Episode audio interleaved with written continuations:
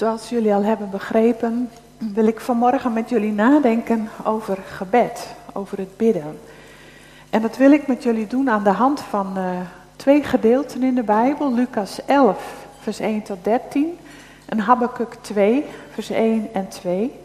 En ik wil eerst met jullie Lucas 11 lezen en straks in de preek dan verderop pak ik Habakkuk 2 er nog even bij.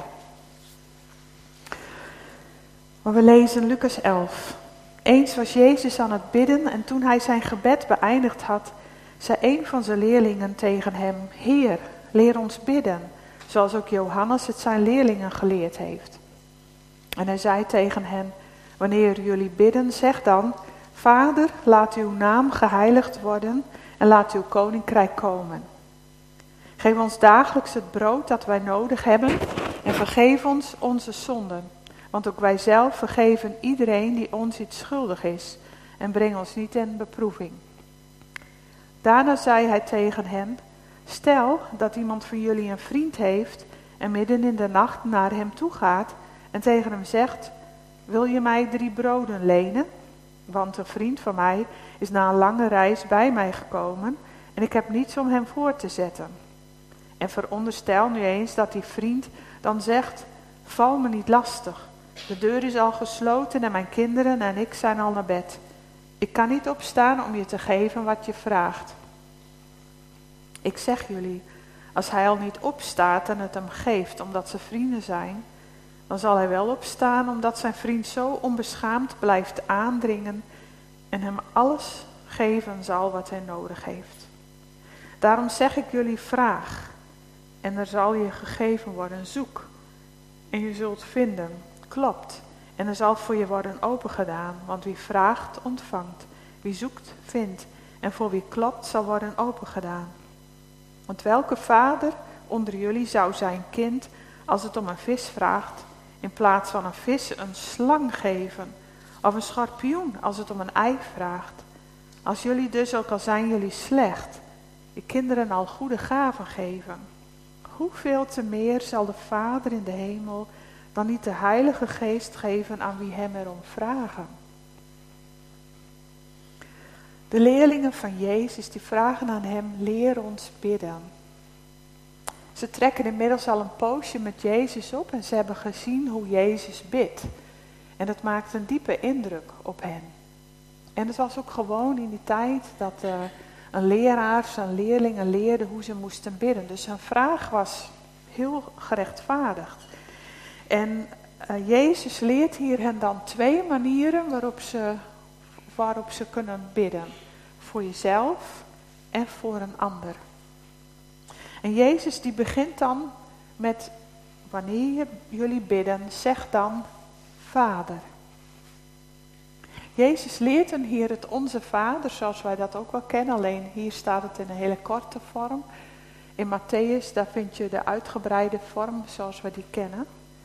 Maar waar het om gaat is dat Jezus begint met zijn leerlingen te leren, als je bidt, zeg dan Vader. Wij zijn zijn kinderen. Maar hier is voor sommigen misschien nog gelijk een blokkade. Want heel veel mensen ervaren niet altijd zulke goede herinneringen aan hun eigen vader. In het pastoraat heb ik heel veel mensen begeleid die beschadigingen hebben opgelopen in hun kindertijd en die beschadigingen hebben ze vooral opgelopen aan vaders. Ook aan moeders, maar vanmorgen gaat het vooral om vaders, omdat Jezus ons het onze vader leert. Mensen raken beschadigd door vaders die afwezig zijn. Soms letterlijk, omdat, ze, omdat er sprake is van echtscheiding of doordat uh, de vader het kind niet heeft geaccepteerd, erkend. Of de vader is al jong overleden, dat kan ook diepe wonden slaan. Maar soms is een vader ook figuurlijk aanwezig, omdat de vader niet bereikbaar was, opging in zijn eigen hobby's of op zijn, zijn eigen baan, niet geïnteresseerd in de kinderen met hun wel en wee. Vaders kunnen soms agressief zijn. Een verslaafde vader een depressieve vader of een zwakke vader waarbij de moeder de baas was in het gezin. Een vader is heel erg belangrijk, voor de ontwikkeling van een kind. Een aardse vader die vertegenwoordigt ook zijn vader in de hemel, God. En een vader die mag hier de priester zijn voor zijn gezin. Hij mag zijn kinderen ook voorleven in het geloof. Een vader die zorgt voor bescherming. Een vader is een leider, zo heeft God het bedoeld. Een vader is een voorziener. Een vader is sterk. En is sterk in het gezin, sterk over het gezin.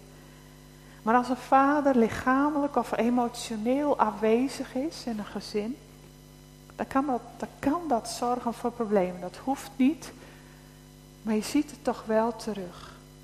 Dat je in de war kunt raken over ja, wie je bent.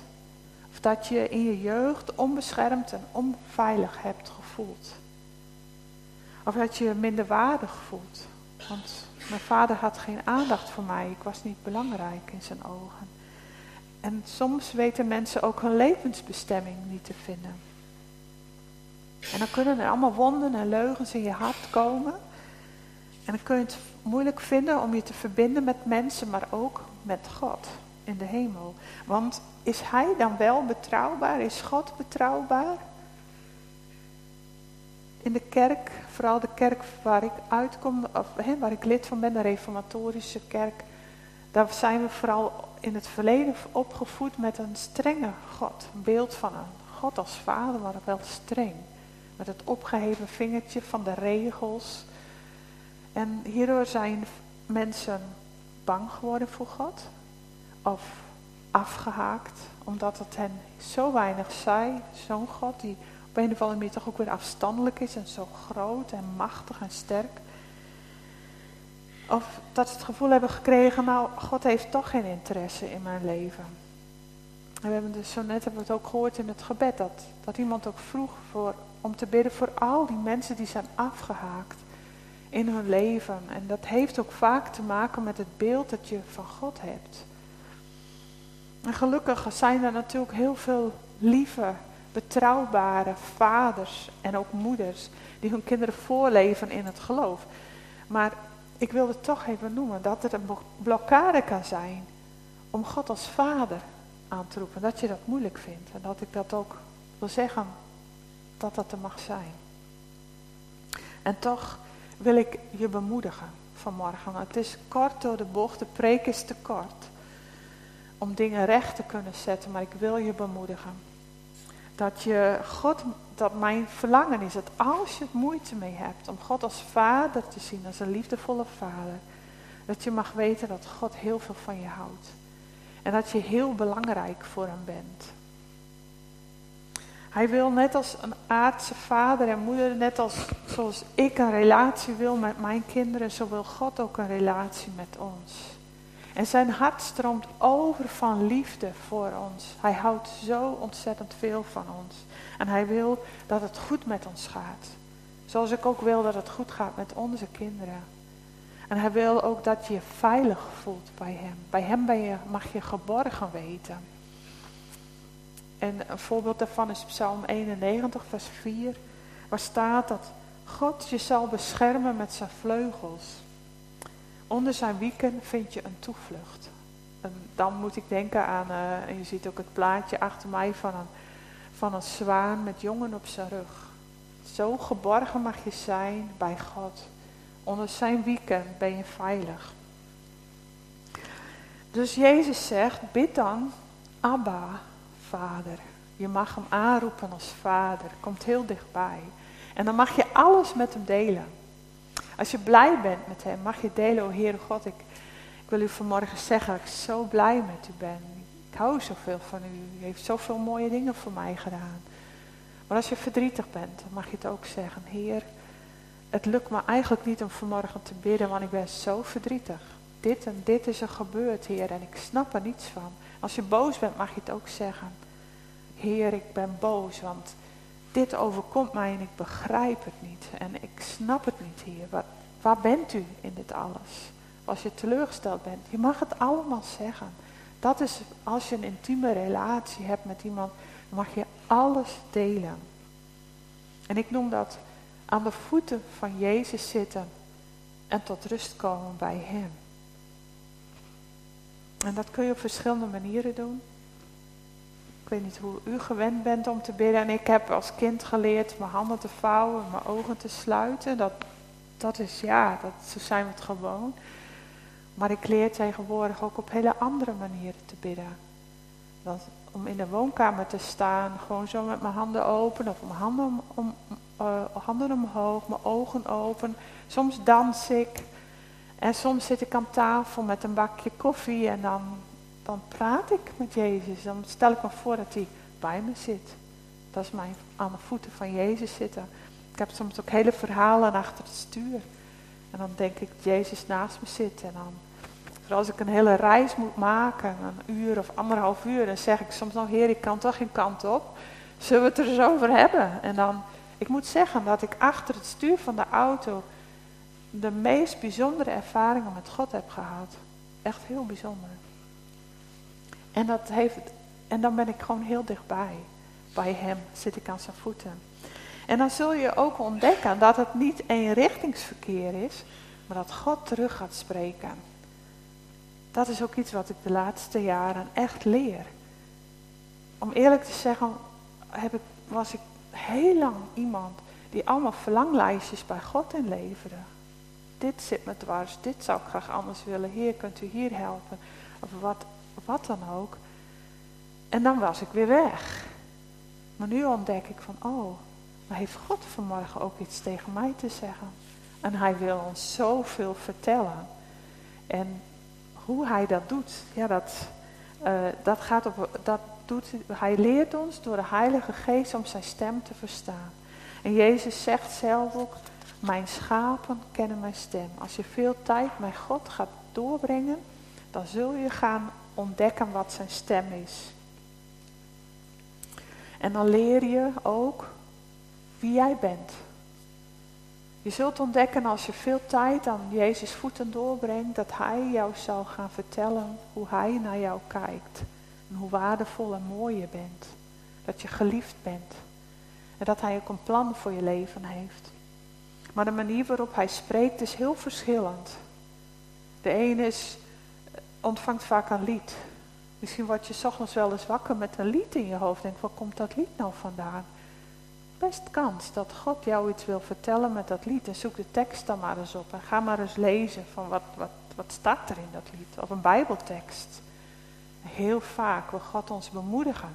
Of ons alvast iets meegeven voor de dag. Misschien heb je een moeilijke dag. En dat God dat tot jou spreekt door dromen, door visioenen. En soms, eh, een ander heeft misschien behoefte om iets te gaan schilderen. Dat je het op, op papier zet. Dat je een lied gaat schrijven. En bij God mag je zijn zoals je bent. Alle maskers mogen af. Wil je stil zijn, is het oké. Wil je dansen, is het ook oké. En ik weet niet wat uw ervaring is met luisteren naar Gods stem. Uh, misschien zeggen van nou, dat ben ik al gewend en uh, ik, ik hoef maar te gaan zitten en ik, en ik ben in connectie met God en uh, hartstikke mooi. En misschien zegt u ook van nou, ik vind het nog wel lastig.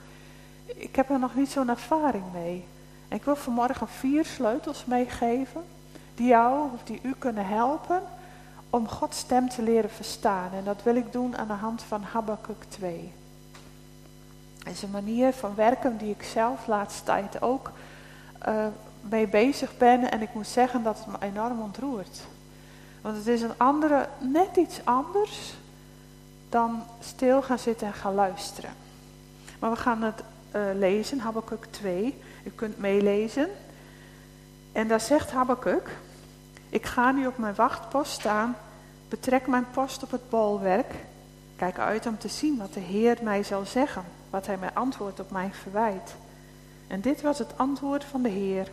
Schrijf dit visioen op, geef het duidelijk in platen, zodat het snel te lezen is. Er staan hier vier sleutels in dit gedeelte. De eerste sleutel is stilte. Habakkuk zegt, ga op je bolwerk staan. Ik betrek mijn post op het bolwerk. Dat betekent dat je jezelf stilzet. Je gaat op je bolwerk staan. als je wacht houdt, voor degenen die wel in het leger hebben gezeten, of je ziet het wel in films. En als je moet wacht houden, dan moet, laat je niet afleiden, maar je gaat zien of er iets gaat gebeuren. Dus je zet jezelf stil en je concentreert je op je taak. En dat is eigenlijk in het gebed ook zo. Je zet jezelf even helemaal stil, mobieltjes uit, telefoon gaat dus uit, geen, uh, ik, ik doe, trek soms letterlijk de stekker uit onze vaste telefoon. Want ik word heel vaak gebeld als ik aan het bidden ben, heel, heel apart. Um, je, je, je maakt jezelf stil, laat je niet afleiden. Ga niet in een groep mensen zitten, maar ga maar even op je studeerkamertje zitten of een plekje. Stilte. En uh, in Psalm 46, vers 11 zegt God ook, wees stil. Staak de strijd, wees stil en erken dat ik Heer ben. God in de stilte wil Hij zich aan ons laten kennen. Maar hoe lastig is het om stil te worden in je hoofd? Want ik weet niet hoe het u gaat, maar als ik stil word, dan word ik juist heel druk in mijn hoofd. Want dan poppen er nog allemaal dingen op die ik nog moet doen in één keer. Waar ik nog niet aan had gedacht. En dan denk ik, oh ja, de was moet nog gedraaid. Of mijn boodschappenlijstje komt in mijn hoofd op. Of ik moet nog een telefoontje doen. Of de onrust neemt toe als je in de rust komt. En sleutel 2 kan je daarbij helpen. Want Habakkuk zegt, kijk, ik kijk uit om te zien wat God gaat zeggen. En ik weet niet of het je opgevallen is toen ik het net las. Maar het is eigenlijk best wel gek. Want hij zegt dus, ik ga zien, ik kijk uit om te zien wat hij gaat zeggen. Maar dat past niet bij elkaar, want als iemand spreekt, ga ik luisteren. Dan ga ik niet zien. Ik, ik moet horen. Als iemand spreekt, hoor ik. Maar hij zegt, ik ga zien. Tweede sleutel, dat is, in het Engels noemen ze dat vision. Maar dat je met je ogen gaat kijken. En een voorbeeld hiervan vinden we bij David. Hij zegt in Psalm 16, ik stel mij de Heere, zegt David, voortdurend voor ogen. Omdat hij aan mijn rechterhand is, wankel ik niet. Wat zegt David hier? Als hij het moeilijk heeft, dan stelt hij zich voor dat God aan zijn rechterhand is, dat hij bij hem is. En dat is wat wij als je gaat bidden mogen doen. Dat je je hart gebruikt om te kijken en je richt je ogen op Jezus.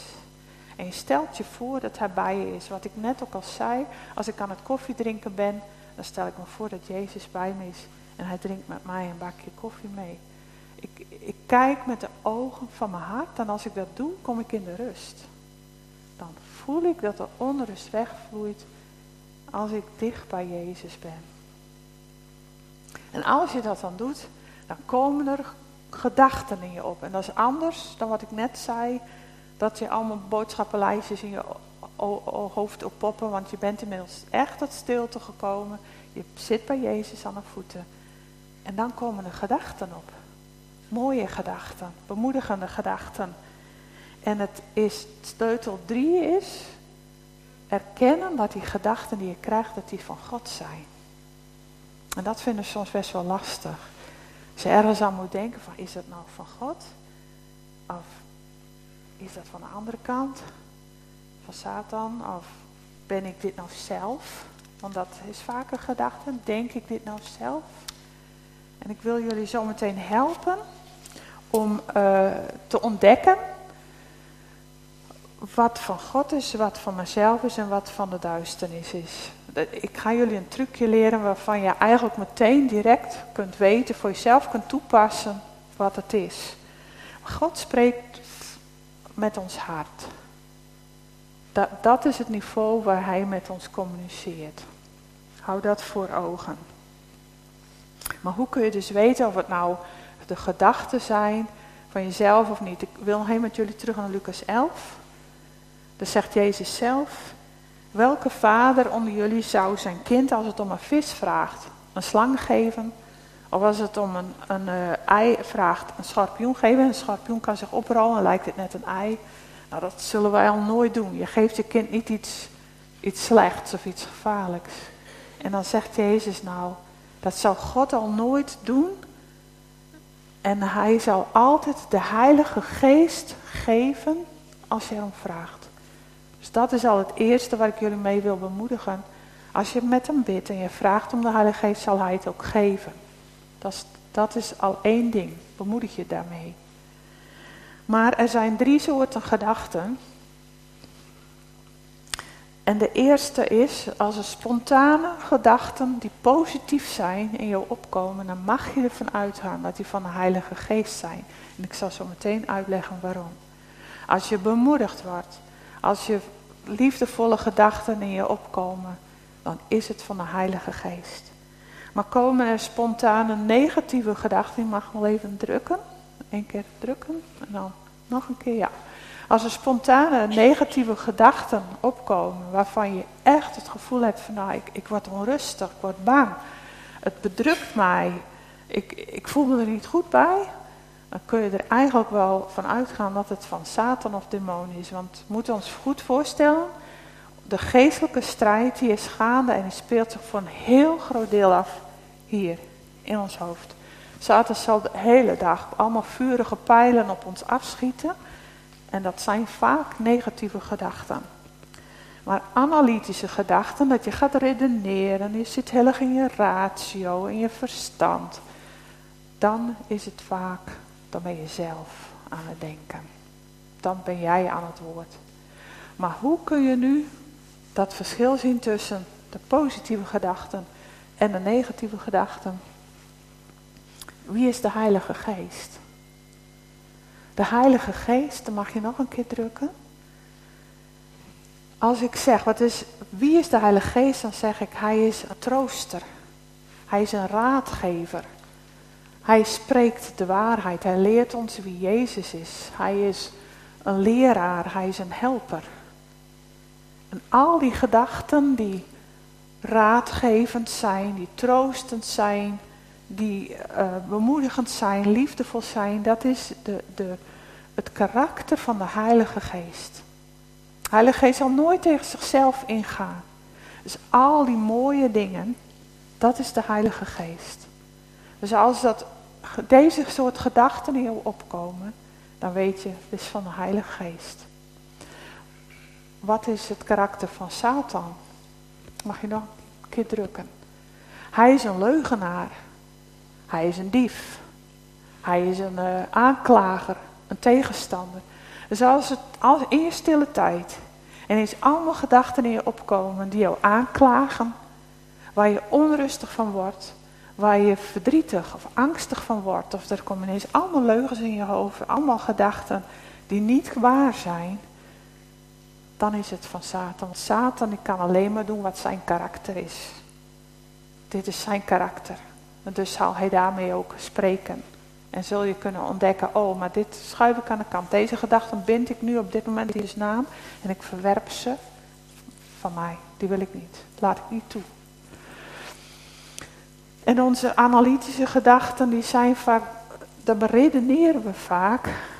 En hebben vaak, nou, weten we niet helemaal of we het geloven, of we het wel kunnen aannemen. Dat zit vaak in onze ratio. En dan zegt God ook in Jesaja 55 vers 8, mag nog een keer drukken. Oh, ik pas er niet helemaal op, maar er staat mijn gedachten zijn niet uw gedachten, zegt God. Dus het is ook niet altijd van wat wij denken, dat dat overeenstemming met wat God denkt. God probeert het te onthouden. Wij zitten vaak hier in ons hoofd, in de ratio. En God zit vaak in ons hart. Die, die spreekt in ons hart. Oké, heb ik jullie heel wat geleerd over bidden voor jezelf. Misschien heb je wat nieuws geleerd, misschien wist je dit allemaal al. Maar we mogen dus ook nog voor een ander bidden. En dan neem ik jullie... Uh... Oh nee, ik ga nog eentje te, te snel. Want we hebben nog een sleutel. De sleutel 4 is dat je bent er stil geworden. Je hebt Jezus naast je. En uh, er komen gedachten op. Dan mag je ze op gaan schrijven. En dat is misschien nieuw. Pak pen en papier en zeg, Heer, stel hem gewoon maar een vraag. Heer, hoe kijkt u naar mij? En schrijf maar op wat er in je gedachten komt. Niet nadenken, gewoon opschrijven. Je kunt na die tijd wel checken of het klopt in overeenstemming met de Bijbel. Want de Heilige Geest zal nooit tegen zichzelf ingaan, tegen het woord van God. Maar hij zal je altijd willen bemoedigen met liefde, zoals God naar je kijkt. En uh, ik, ik ben hiermee begonnen en ik moet zeggen, dat bemoedigt mij enorm. En het is zo liefdevol wat God opschrijft. Wat, wat God tegen zegt. Wat, wat hij je mee wil geven. Hoe hij naar jou kijkt, maar ook naar je situatie. Je mag ook best vragen, Heer, ik, heb ik zit in deze situatie. Wat moet ik hiermee? Of hoe kijkt u daarnaar? Ga het gewoon maar eens proberen. En schrijf op. En het, het mooie hiervan is de Heilige Geest die geeft je dat in. Je schrijft op, maar je kunt ook altijd stoppen. Wil je het niet meer, dan kan je ook stoppen. Het is net als met tongentaal. Je kunt in tongentaal gaan bidden en je kunt er ook mee stoppen. Dat is wie God is. Hij, hij vertelt je dingen, maar je bent ook vrije wil om ermee te stoppen of mee door te gaan. Dus nog even de vier sleutels om te onthouden. Stilte, Jezus bij je zijn. De spontane gedachten toelaten en schrijf het dan maar op. En zie dan, maak je schriftje, bouw je schriftje op met alles wat God tegen jou heeft gezegd. Nu gaan we bidden voor een ander. Want Jezus die vertelt over een vriend die midden in de nacht bezoek krijgt. En hij heeft brood nodig, maar hij heeft zelf geen brood. Maar hij zegt van nou, ik ken wel iemand die wel brood heeft. Dus hij gaat naar die vriend toe. En ehm, in het Midden-Oosten is men heel gastvrij. Dus als je in nood zit, dan mag je midden in de nacht wel aankloppen. Je mag altijd bij iemand komen. Maar deze vriend is niet zo gastvrij. Want hij wil eigenlijk niet opstaan. Nou, wat vertelt dit verhaal ons? Dat als er iemand bij ons komt die het moeilijk heeft, en die vraagt jou om raad, en jij hebt niet een antwoord, dan kun je altijd zeggen, ja, maar ik ken nog een vriend met hoofdletter. Hem, ik breng jou wel bij hem, mag ik voor je bidden? En dan weet je altijd dat je altijd bij, je, bij die vriend, bij God aan mag kloppen. God zal er altijd voor ons zijn. Wij mensen zijn niet altijd bereid om iets voor een ander te doen. Komt ons niet altijd goed uit, het past ons niet of we vinden het lastig. Maar bij God kun je altijd terecht. Maar laat ik nog even met jullie inzoomen op het verhaal. Want dit snapten jullie waarschijnlijk wel. En dat we voor elkaar mogen bidden. Maar deze vriend, die is onderweg. Hij is op reis. En dat is een reisdoel. Elk mens is onderweg in zijn leven.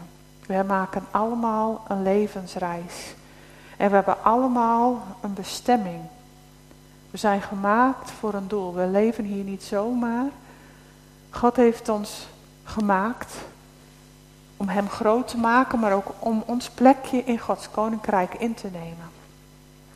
En de kerk hoe mooi is het dat je als gemeente bij elkaar bent en dat dit de plek is waar je elkaar kunt leren wie je bent, hoe God naar je kijkt en wat jouw doel is, wat God wil met jouw leven. Dan mag je voor elkaar bidden. En soms gebeurt het ook dat je voor elkaar bidt, dat je geen antwoord krijgt. Dat is heel pijnlijk. Kan heel moeilijk zijn, maar Jezus zegt zelf: geef nooit op. Een voorbeeld hiervan voor het bidden voor een ander heeft uh, een van jullie gemeenteleden mij gedeeld. En uh, ik uh, neem het voorbeeld van Janette. Heeft me ook gevraagd van als je nog eens spreekt over zo'n onderwerp, dan wil je het eens delen. Dus ik heb het voorbeeld al eens eerder in een preek gebruikt en ook vanmorgen wil ik hem met jullie delen. En ik hoop dat ik het goed zeg.